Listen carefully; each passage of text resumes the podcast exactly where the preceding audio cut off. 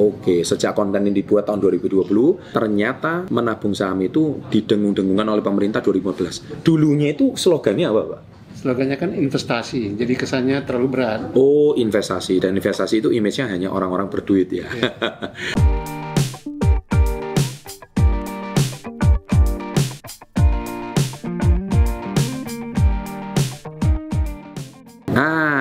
sahabat entrepreneur, eh, kali ini di webinar kali ini kita kedatangan tamu istimewa. Kalau biasanya kemarin sama Pak Tony, kali ini saya mengundang orang yang sangat penting dan jarang muncul di media. Tetapi Anda semua bisa beruntung karena Anda termasuk rajin menabung. Oleh sebab itu di webinar kali ini Anda akan dapatkan value content, valuable content yang mana bisa menambah wawasan Anda dan saya mengundang siapakah beliau? Beliau adalah komisaris independen di lima perusahaan level 5, rumah perusahaan TBK. Beliau adalah komisaris independen di PT Solusi Tunas Pratama, di PT Pura, yang saat ini saya rekomendasikan, PT Rukun Raharja, PT Repower Asia Indonesia, dan PT CGS CIMB Sekuritas Indonesia yaitu Bapak Muhammad Senang Sembiring. Apa kabar Pak Sembiring? Senang selalu Pak. Senang selalu, namanya senang soalnya. Kalau di channel kami namanya Salam Hebat Luar Biasa. Boleh kita salam Pak? Salam hebat luar biasa. Waduh, terima kasih Pak Sembiring. Nah, Pak Sembiring ngobrol-ngobrol dulu pernah menjabat sebagai Direktur Bursa Efek Indonesia Pak. Bursa Efek Jakarta dan Bursa Efek Indonesia. Oh, Bursa Efek BEC dan BEI ya. Iya. Itu tahun berapa Pak? Dari tahun 2002 sampai 2009 Pak. 2002 dan 2009. Nah, eh, guys, inilah sesuatu informasi yang penting karena beliau termasuk salah seorang regulator bagaimana eh, tadi sebelum kami membuat video ini saya ngobrol banyak sama Pak Sembiring tentang mengapa image saham di Indonesia itu sangat tidak baik ya sehingga mungkin lap- segala lapisan masyarakat menilai saham itu eh, lebih banyak sisi negatifnya daripada positifnya. Nah mungkin Pak boleh diceritakan sedikit Pak saham itu sebetulnya atau bursa efek Indonesia itu berdiri kapan sih Pak? Kalau menurut sejarah gitu Pak? Berdirinya sudah panjang dari zaman Belanda semua sudah berdiri Pak. Oh zaman Belanda sudah ada Pak ya? Ya tahun 50-an dihidupkan kembali. Oh iya Sudah iya. itu berhenti lagi di Ah. tahun 70-an Iya. dihidupkan lagi. Kenapa kok sempat berhenti Pak waktu itu Pak? Karena situasi ekonomi dan situasi politik yang berbeda kan Pak. Baik. Tapi mulai really aktif mulai tahun 80-an. Oke ya. Mulailah berdiri lagi PT Bursa Efek Jakarta. PT Bursa Efek Jakarta tahun 80-an ya. Iya, dan mulai menjadi diswastanisasi tahun 90-an kan Pak. Swastanisasi 90 ya. Oke. Pak, eh, di zaman Belanda itu ternyata bursa efek sudah ada. Kalau boleh tahu itu bentuknya seperti apa, Pak? Waktu itu orang menabung saham itu seperti apa? Kalau Bapak Dulu boleh kan tahu perusahaan-perusahaan Belanda semua Pak. Perusahaan Belanda ya. Ya, yang berdagang ke Indonesia. Oke, ya. Mereka inilah yang tercatat di bursa Batavia dulu Pak. Oh, Bursa Batavia. Iya. Oke, ha-ha. kemudian Nah itu yang dulu orang-orang Belanda semua yang menjadi investornya dan perusahaannya. hmm, ya ya ya. ya. Begitu kita merdeka itu terhenti semua. Iya iya iya iya. Karena di zaman Belanda, ternyata Belanda itu mungkin disebut penjajah, tapi sebenarnya mereka itu berdagang gitu ya, Pak ya. Dasarnya mereka kan pedagang Pak. Pedagang ya, terus karena Indonesia itu seksi gitu ya, sehingga mungkin sumber daya alamnya. Nah, tapi juga sumber daya manusianya akhirnya jadinya. Cuman waktu itu investornya orang Belanda semua ya zaman dahulu. Karena kita masih jadi jajahan kan Pak. Nah, itu dia ya. Jadi sekarang kita udah merdeka 75 tahun tapi mentalnya masih terjajah, Pak. Mudah-mudahan dengan edukasi Pelatihan menabung ini, Pak. menabung ini semua menjadi merdeka lagi. Luar biasa. Nah, inilah sahabat SB30, Anda di sini harus paham. Jadi sejarah dari Pak Sembiring tadi katakan yang mengerti ilmu ini cuman orang Belanda zaman dahulu. Nah, sekarang sebagai masyarakat Indonesia yang lebih cerdas dan sudah merdeka 75 tahun, komunitas kami komitmen untuk memberikan pelatihan ini supaya Anda lebih paham apa itu esensi saham yang sebetulnya. Pak, kalau boleh cerita sedikit, eh, kenapa masyarakat kita itu sejak tahun 80-an dan boleh di sekarang 2020, ha, 40 tahun, Pak. 40 tahun ini kenapa kok saham ini menjadi salah satu portofolio yang tidak terlalu dilirik di Indonesia? Ini tantangannya itu apa gitu Pak? Kalau Bapak cerita. Saya kira tantangannya banyak Pak ya. Salah satu memang edukasi yang seperti SB 30 dilakukan kan perlu berperbanyak. Betul. Kepal tidak pahaman. Kedua memang selama ini kan Indonesia tingkat bunga suku bunga di deposito begitu tinggi Pak. Iya. Jadi orang malas berpikir karena digaranti dengan tingkat bunga 15% Oke. di bank selama ini itu kan membuat sama sekali investasi tidak men, apa tidak tertarik orangnya Iya, iya. karena ada garansi dari deposito di bank yang Betul. di atas 10 persen. Betul, betul. Tapi ini kan nggak sehat. Nggak Sekarang udah mulai 5 persen, 5 persen. bahkan 3 persen. 3 persen. Ini akan mendorong orang mencari alternatif investasi yang lebih baik daripada sekedar menabung di Oh, bank. ya. Nah, image saham itu kan Bapak tadi cerita soal deposito. Berarti kan image-nya itu orang yang berduit, Pak. Zaman dahulu yang mungkin selama 40 tahun dan kita tahu orang berduit itu kan minoritas. Padahal yang kami edukasi sama Pak Tony, padahal saham ini kan bisa dimiliki oleh golongan menengah bahkan menengah ke bawah sebetulnya. Kalau mau kita ajarkan benar-benar. Betul. Apakah ini sebetulnya memungkinkan nggak sih Pak? Kalau di negara-negara lain yang sudah maju, contohnya Amerika mungkin, Indonesia ini mungkin nggak Pak sebetulnya? Sangat mungkin Pak. Makanya kan sekarang istilahnya menabung saham udah mulai digeser. Menabung saham. Itu istilah menabung saham itu mulai didengungkan kapan Pak? Tahun berapa itu? Kalau Slogan itu. mulai 2015-an Pak. Tuh lima tahun yang lalu ya Pak Iya. ya. Oke, sejak konten ini dibuat tahun 2020, ternyata menabung saham itu didengung-dengungkan oleh pemerintah 2015. Dulunya itu slogannya apa Pak? Slogannya kan investasi, jadi kesannya terlalu berat. Oh, investasi dan investasi itu image-nya hanya orang-orang berduit ya. Baik. Eh, kenapa pemerintah waktu itu mulai menggerakkan slogan menabung saham? Kalau saya boleh tahu, Pak. Sebetulnya bukan pemerintah, tapi kan pemerintah adalah regulator, Pak. Regulator, Bursa adalah fasilitator. fasilitator, betul. Nah, perusahaan-perusahaan efek lah yang menjalankan semua. Oke, ya. Nah, kita komunitas bersama inilah semua yang menciptakan lingkungan bagaimana orang tertarik lagi investasi di saham. Ya. Jadi tidak bisa kita serahkan kepada satu pihak pemerintah atau Betul. regulator. Oke, ya, ya, ya. Sehingga akhirnya dari regulator inilah eh, bursa efek itu fasilitator ya, Pak ya. Betul. Oke, nah itulah akhirnya harus bergandengan tangan gitu ya, Pak. Harus nggak bisa sendiri, Pak. Betul, betul sekali. Dan sekarang kami sebagai pihak komunitas yang mengajarkan ini juga akhirnya komitmen kami justru membantu pemerintah supaya membantu regulator dan fasilitator agar masyarakat menengah ke bawah juga aware terhadap dunia saham gitu. Dan bisa menikmati hasil mena- mena- menabung saham kan. Baik, baik, baik, baik, baik. Kalau kita menilik ke negara maju, Pak, sebagai contoh Amerika yang memang suku bunga memang udah kecil dari zaman dahulu karena negara maju, Pak. Apalagi kalau Jepang 0% kan. Iya, Jepang 0%. Kita sih lihat Singapura aja mungkin maksimal 3% gitu. Harusnya kan yang Nggak saya sampai, Pak. nggak sampai kan ya sekarang. Iya. Nah, itu eh, akhirnya mereka mulai peduli sama saham gitu ya Pak ya kalau negara maju ya. Dan itu tidak terjadi di Indonesia kalau kita kembali seperti tadi. Saya kira kita juga sudah mulai tren peningkatannya sudah mulai tajam, Pak. Hmm. Sekarang catatan di bursa kan ada di atas 2 juta lebih sih investor saham kita. Oke, 2 juta lebih ya per Iya. saat ini. Dan itu growth-nya 5 tahun terakhir cukup tinggi ya. Tiga tahun terakhir cukup tinggi saya kira. tiga tahun terakhir. Nah, berarti kepedulian mereka terhadap alternatif investasi ini sudah mulai melirik gitu ya. Betul. Hmm, bagus. Dan itu kenapa dulu tidak terjadi ya gara-gara itu salah satunya. Salah satu karena memang tingkat suku bunga kita terlalu tinggi kan, Pak. Hmm, oke oke oke oke oke oke. Baik, kita bicara Indonesia, Pak. Eh, potensinya ke depan besar nggak, Pak? Kalau untuk ini, Sangat besar. Kita punya penduduk 250 juta. betul? Nah, kalau kita lihat katakan ada 10% saja penabung kita, ini kan sudah 25 juta, Pak. Iya. Jadi ruang pertumbuhannya dari 2 juta sekarang ke 25 juta kan cukup tinggi. Hmm, betul, Jadi nggak usah jauh, kita anggap 10% aja potensinya kan udah 25 juta. betul, betul. Udah 10 kali lipat dari Singapura itu. Iya. Dan apa pengaruh saham terhadap dunia perekonomian, Pak? Sangat besar Pak, karena kan perekonomian itu diputar oleh industri, oleh usaha. Betul. Nah usaha itu adalah perusahaan. Ya, Perusahaan itu perlu modal. betul.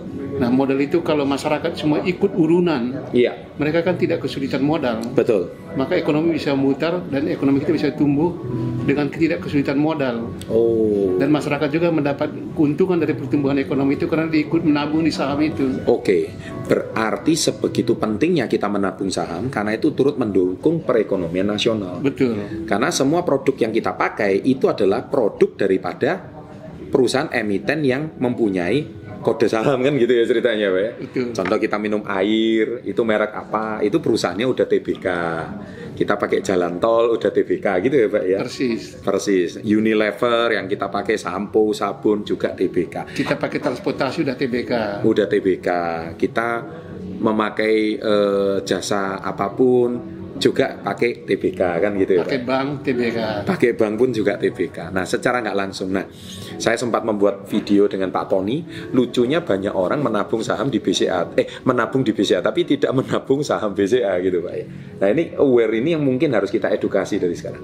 Kita sangat terima kasih dengan SB30 ini karena dengan demikian membuka peluang pemahaman masyarakat bahwa kesempatannya lebih baik lagi daripada sekedar menabung kan Pak. Betul sekali, betul sekali. Nah, gini Pak, ada beberapa pertanyaan-pertanyaan yang mungkin eh, tadi sempat saya tanyakan kepada Pak Sembiring. Jadi sejarah tentang bursa efek. Kalau seandainya masyarakat kita sejak dini sudah cerdas secara finansial, cerdas finansial, artinya mereka bisa menyisihkan penghasilan mereka dan akhirnya memiliki saham, ya yang eh, saya rekomendasikan. Kenapa dulu itu tidak ada atau pelaku yang tidak ada mengedukasi seperti kami? Kalau Bapak Sembiring sebagai pengalaman dari direktur bursa efek atau yang sudah berkecimpung malang melintang di dunia ini, mengapa, Pak? Saya kira masalah tahapan-tahapannya saja Pak.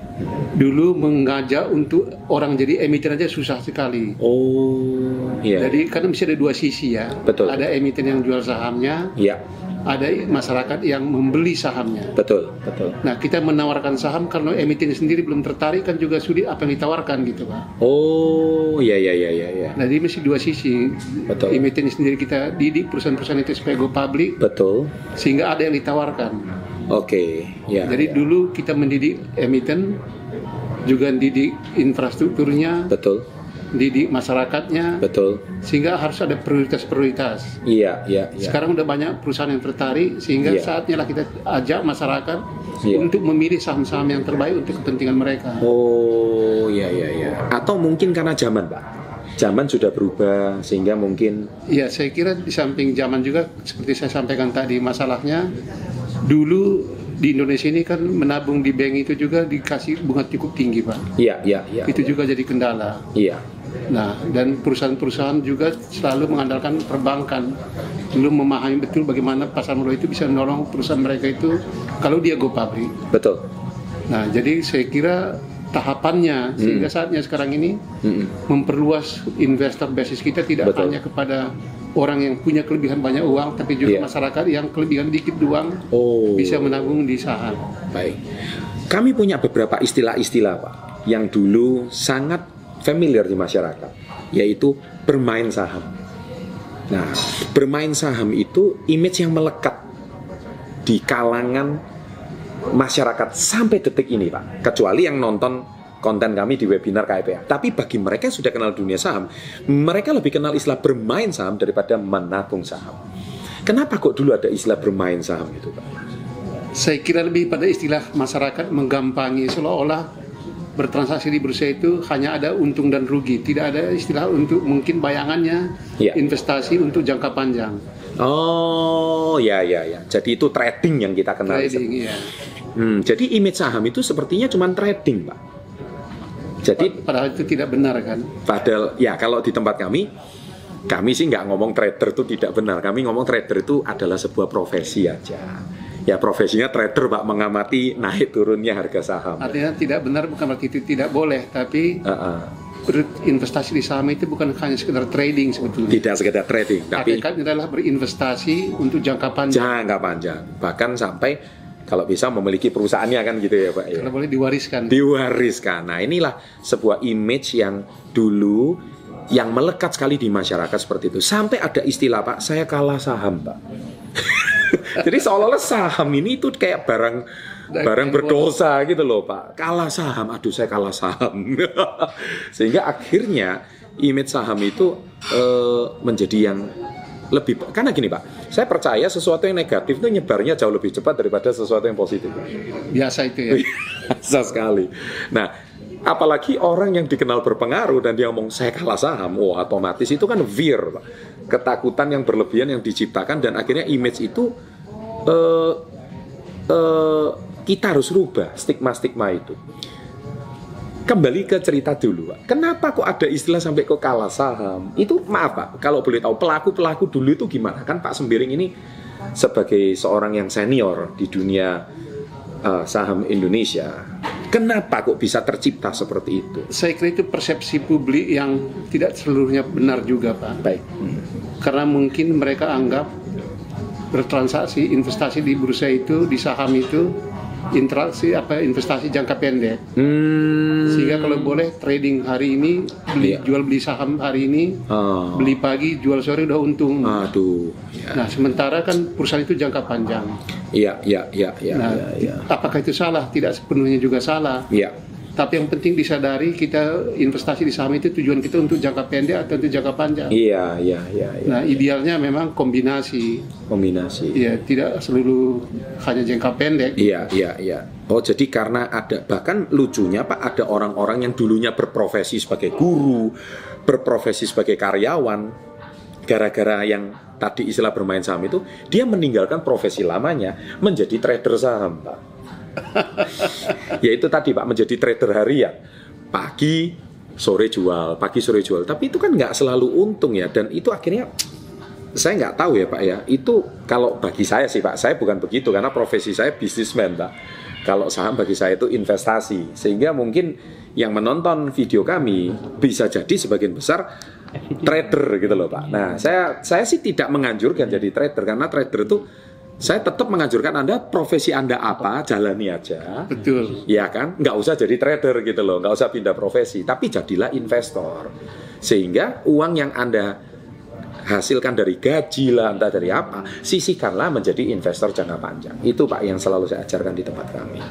udah bagus pak apa yang bapak ajarkan itu karena Terima kasih. sebetulnya profesi trader itu nada game sebetulnya yang mesti mereka pelajari Oh, another game. nada ya. game ya kan apakah itu salah tidak juga ada peluang ada juga Hmm. cuman kalau sudah jadi trader itu beda dengan sekedar investasi dengan investor Oke, ya. itu ya. profesi tersendiri yang latihan memberi sekolah sendiri Oh, ya, ya, ya. memberikan sertifikat sendiri Betul, betul. dan betul. keahlian tersendiri Betul sekali, Pak. Nah, tapi kalau kita sebagai investor menjadi trader itu Iya. saya kira tidak terlalu pas, Pak. Tidak terlalu pas, ya, ya, ya, ya. Jadilah investor yang baik, Jadilah investor yang baik, Iya. long term investment gitu ya, long Pak. term investment. Sisihkan sebagian pendapatan itu dari dari tabungan di bank ya beralih ke investasi saham. Yes, yes, yes, yes, yes. Nah, berarti Pak, yang selama ini kami ajarkan di KEPM ini, komunitas, komunitas edukasi dan pelatihan menabung, kami selalu mengajurkan Anda itu menyisihkan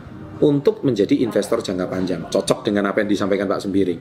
Berarti menjadi trader itu Pak, nah celakanya trader ini kan mungkin, ya mohon maaf Pak, mungkin dia nggak dibekali dengan pengetahuan trading yang profesional. Dan kemudian akhirnya meninggalkan profesinya. Dan akhirnya mengamati. Dan akhirnya uangnya habis di sana dan keluarlah istilah kalah saham lah. Bermain saham lah. Dan akhirnya very negative information dan me- mencederai lah menurut saya itu kepada new beginner newbie newbie yang tidak tahu apa-apa dia yang punya duit aja bisa seperti itu apalagi gue yang nggak punya duit gitu. nah tapi semoga pak dengan statement dari Pak Sembiring ini membuka wawasan mereka bahwa di dunia finansial Indonesia khususnya saham Anda bisa punya sebuah eh, stigma baru bahwa investasi itu haruslah jangka panjang gitu Pak. Dan jangan lagi kita pakai istilah kalah atau rugi atau atau menang di saham, Pak. Iya, iya, iya. Tapi untung atau rugi. Iya. Bisnis itu selalu ada kemungkinan untung, kemungkinan rugi kan. Betul, betul, betul. Nah, asal keuntungan dan kerugian itu sudah kita perhitungkan dengan dalam, dengan matang. Iya, Waktu kita investasi, kita pilihlah perusahaan yang kita kenal, betul, yang kita pahami, betul, yang kita yakini, betul, betul, dengan sekali. informasi yang kita miliki. betul sekali. Nah, Kata kuncinya informasi mesti kita miliki. informasi harus kita miliki dan kita teliti dulu sebelum membeli gitu Iya. istilahnya. Sekarang pertanyaan berikutnya Pak. Bapak kan sekarang sebagai komisaris di PT Putra Raja Wali Kencana. itu. Baik. Mengapa Bapak memilih Pura, Pak, sebagai komisaris? Ini kan pasti ada sebuah pertimbangan. Kan Bapak orang yang sangat berpengalaman. Apakah Bapak melihat Pura ini sebagai apa ke depannya dan sebagainya? Ini ini kami ingin menanyakan secara pribadi kepada Pak Sembiring. Ada Kan- tiga, ada tiga hal, Pak. Baik. Pertama, saya lihat Pura dikomandoi katakan oleh manajemen yang masih muda. Masih muda. Kata kuncinya masih muda guys ya, dengar itu ya. Pak, itu penting Pak ya, muda Pak ya. Perlu supaya dia melihat outlook ke depan jadi pertumbuhannya makin kuat, Pak. Hmm, dengar itu ya. Oke. Kedua, dia bergerak dalam bidang transportasi logistik, Pak. Transportasi logistik. Oke. Kita negara kepulauan yang memerlukan logistik yang begitu hebat, kan, Pak. Iya, betul sekali. Ketiga, keinginan manajemen yang untuk berolah ke dari perusahaan keluarga menjadi perusahaan yang profesional. Perusahaan keluarga menjadi perusahaan profesional. Kalau Anda mau tahu sejarahnya, silakan lihat di video kami bersama Bapak Ariel Wibisono.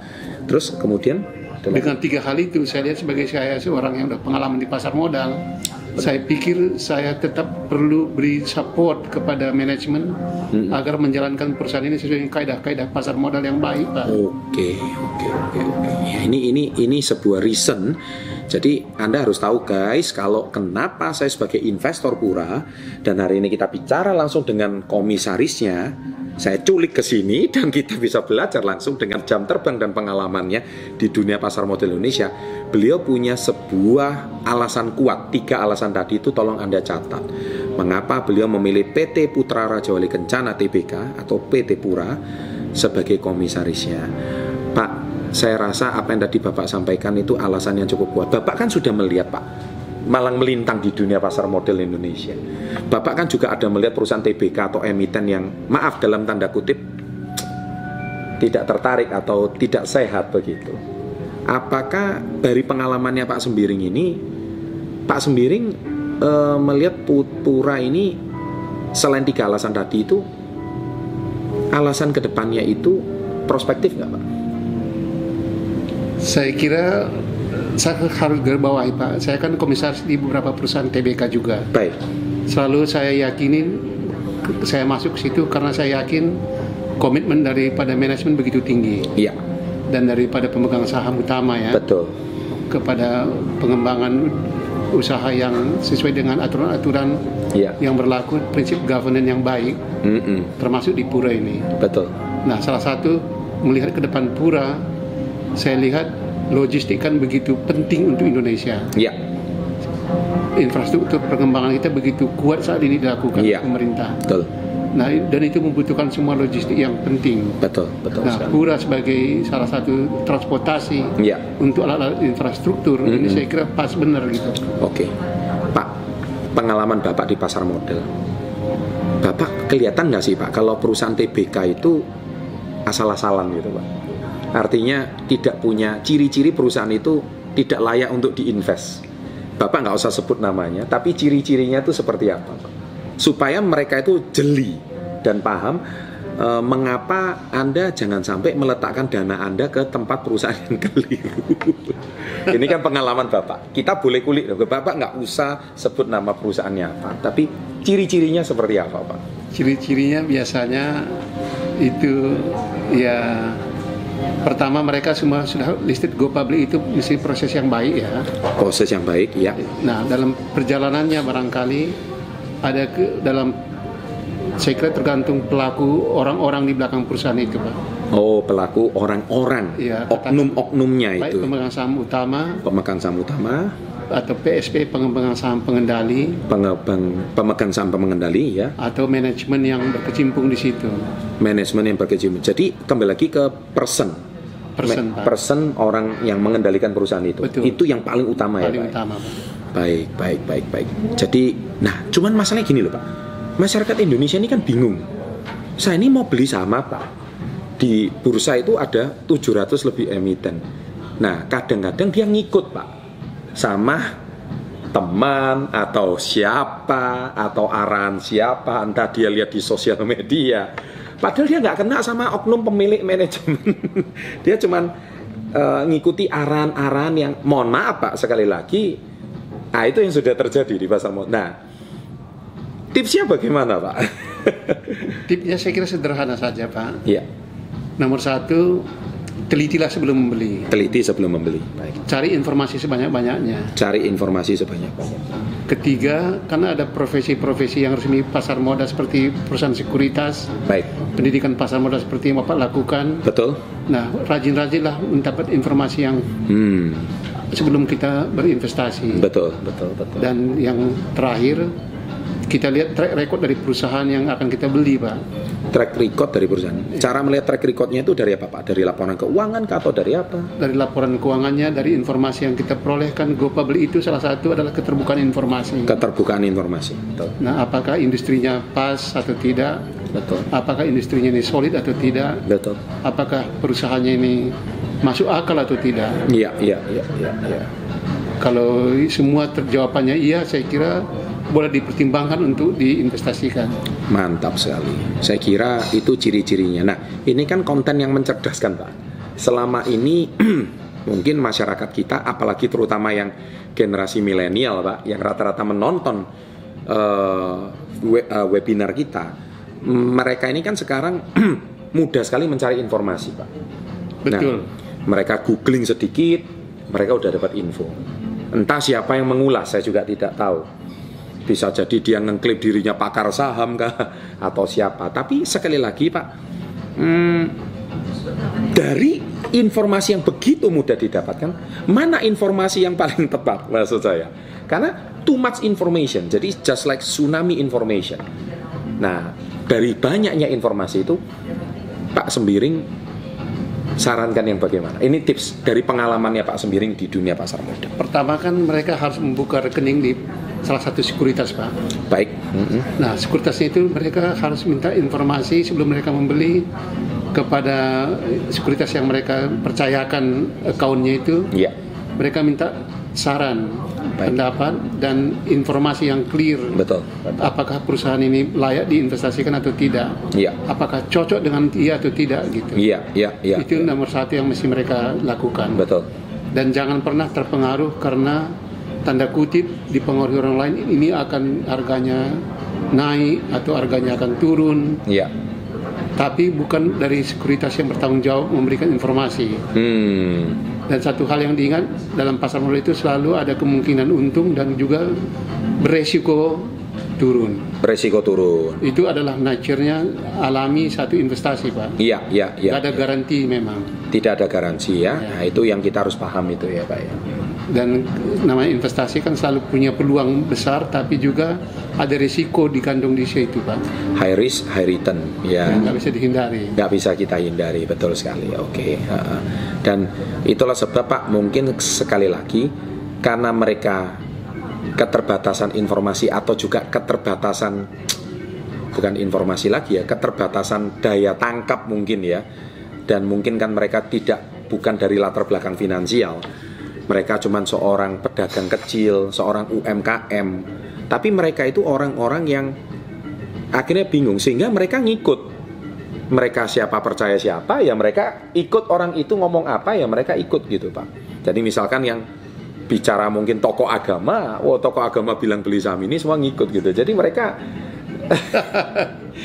ikut beli karena emosi ikut karena beli siapa yang beli. Karena mereka dibilangin masalah faktor ekonomi makro mereka juga bingung mungkin seperti itu so Tapi apa ya? karena ada pakemnya, Pak. Hmm. Semua ada pakem-pakemnya. Kalau tokoh agama tentu ahli dalam bidang agama. Oh, itu loh ya, catat itu ya guys ya. Kalau dalam pendidikan ahlinya kayak Pak Chandra. dalam dunia pendidikan. Tapi kalau dalam bidang pasar modal kan ada profesi-profesi penunjang pasar modal yang resmi diakui oleh dapat izin dari OJK, Pak. Betul. Anggota Bursa Efek, umpama. Yes. mm-mm. perusahaan-perusahaan efek yang sudah kita kenal begitu banyak terdaftar Betul. dengan baik. Betul. Mereka kan punya moral tanggung jawab memberikan informasi yang benar. Nah, ini catat ya. Jadi Jadi jangan dengar dari yang bukan resmi. bukan resmi. Saya kenapa hari ini mengundang Pak Sembiring datang ke webinar kami karena satu, Anda lihat reputasinya sudah terbukti dan tidak perlu diragukan lagi. Saya bukan mengundang ahli finansial abal-abal yang ngeklaimnya pakar tapi dilihat reputasinya saya juga membingungkan Pak. Nah kalau Pak Sembiring di sini sudah jelas tadi saya sudah sampaikan di awal beliau adalah independent commissioner di lima perusahaan TBK. Salah satunya di PT Pura Putra Rajoli Kencana TBK. Ini sesuatu yang sangat penting yang harus Anda catat. Jadi siapakah yang memberikan edukasi itu sangat penting. Jadi nggak semua olah-olah uh, apa karena orang Indonesia itu gini Pak, punya sifat 95% bergerak karena emosi. Orang apa misalkan contohnya ini ikut, siapa yang ini ikut, mudah dibakar dan nalarnya itu mungkin logikanya jadi cuma 5%, 95% karena faktor emosi. Nah, dengan adanya konten ini semoga tercerahkan gitu ya, Pak. Harapan. Betul. Ya. Setuju Pak, karena saya kira investasi saham itu adalah peluangnya besar, tapi juga dikandung masuk resikonya juga ada di situ. Baik, baik. Jadi baik. selalu teliti dulu sebelum membeli, teliti sebelum. dan dapat informasi dari apa uh, saluran-saluran yang resmi seperti anggota bursa yang tercatat di Bursa Efek Indonesia. Baik, baik. Nah, sebagai penutup Pak Sembiring, karena edukasi Pak Sembiring yang begitu luar biasa, dan mungkin pertama kalinya Pak Sembiring masuk di channel YouTube. Betul. Betul sekali. Tapi ini pengalaman berharga Pak karena KEPM berkomitmen, komunitas kami berkomitmen untuk menghadirkan narasumber yang terpercaya, terbukti Pak. Dan memang berkomitmen tinggi untuk memajukan uh, kecerdasan finansial bangsa Indonesia. Ada pesan terakhir Pak Sembiring mungkin kepada para sahabat SP30 ini? Sahabat SP30 selalulah belajar dengan baik, peluang di pasar modal begitu tinggi dan resiko juga ada. Untuk itulah kita perlu selalu belajar dan belajar tidak boleh berhenti. Selamat dan sukses di pasar modal Indonesia. Terima kasih Pak Sembiring atas petuah dan wejangannya. Semoga kita semua sukses menjadi investor di masa akan datang. Terima kasih. Kita tutup dengan salam hebat luar biasa Pak. Salam hebat, hebat luar, luar biasa. biasa.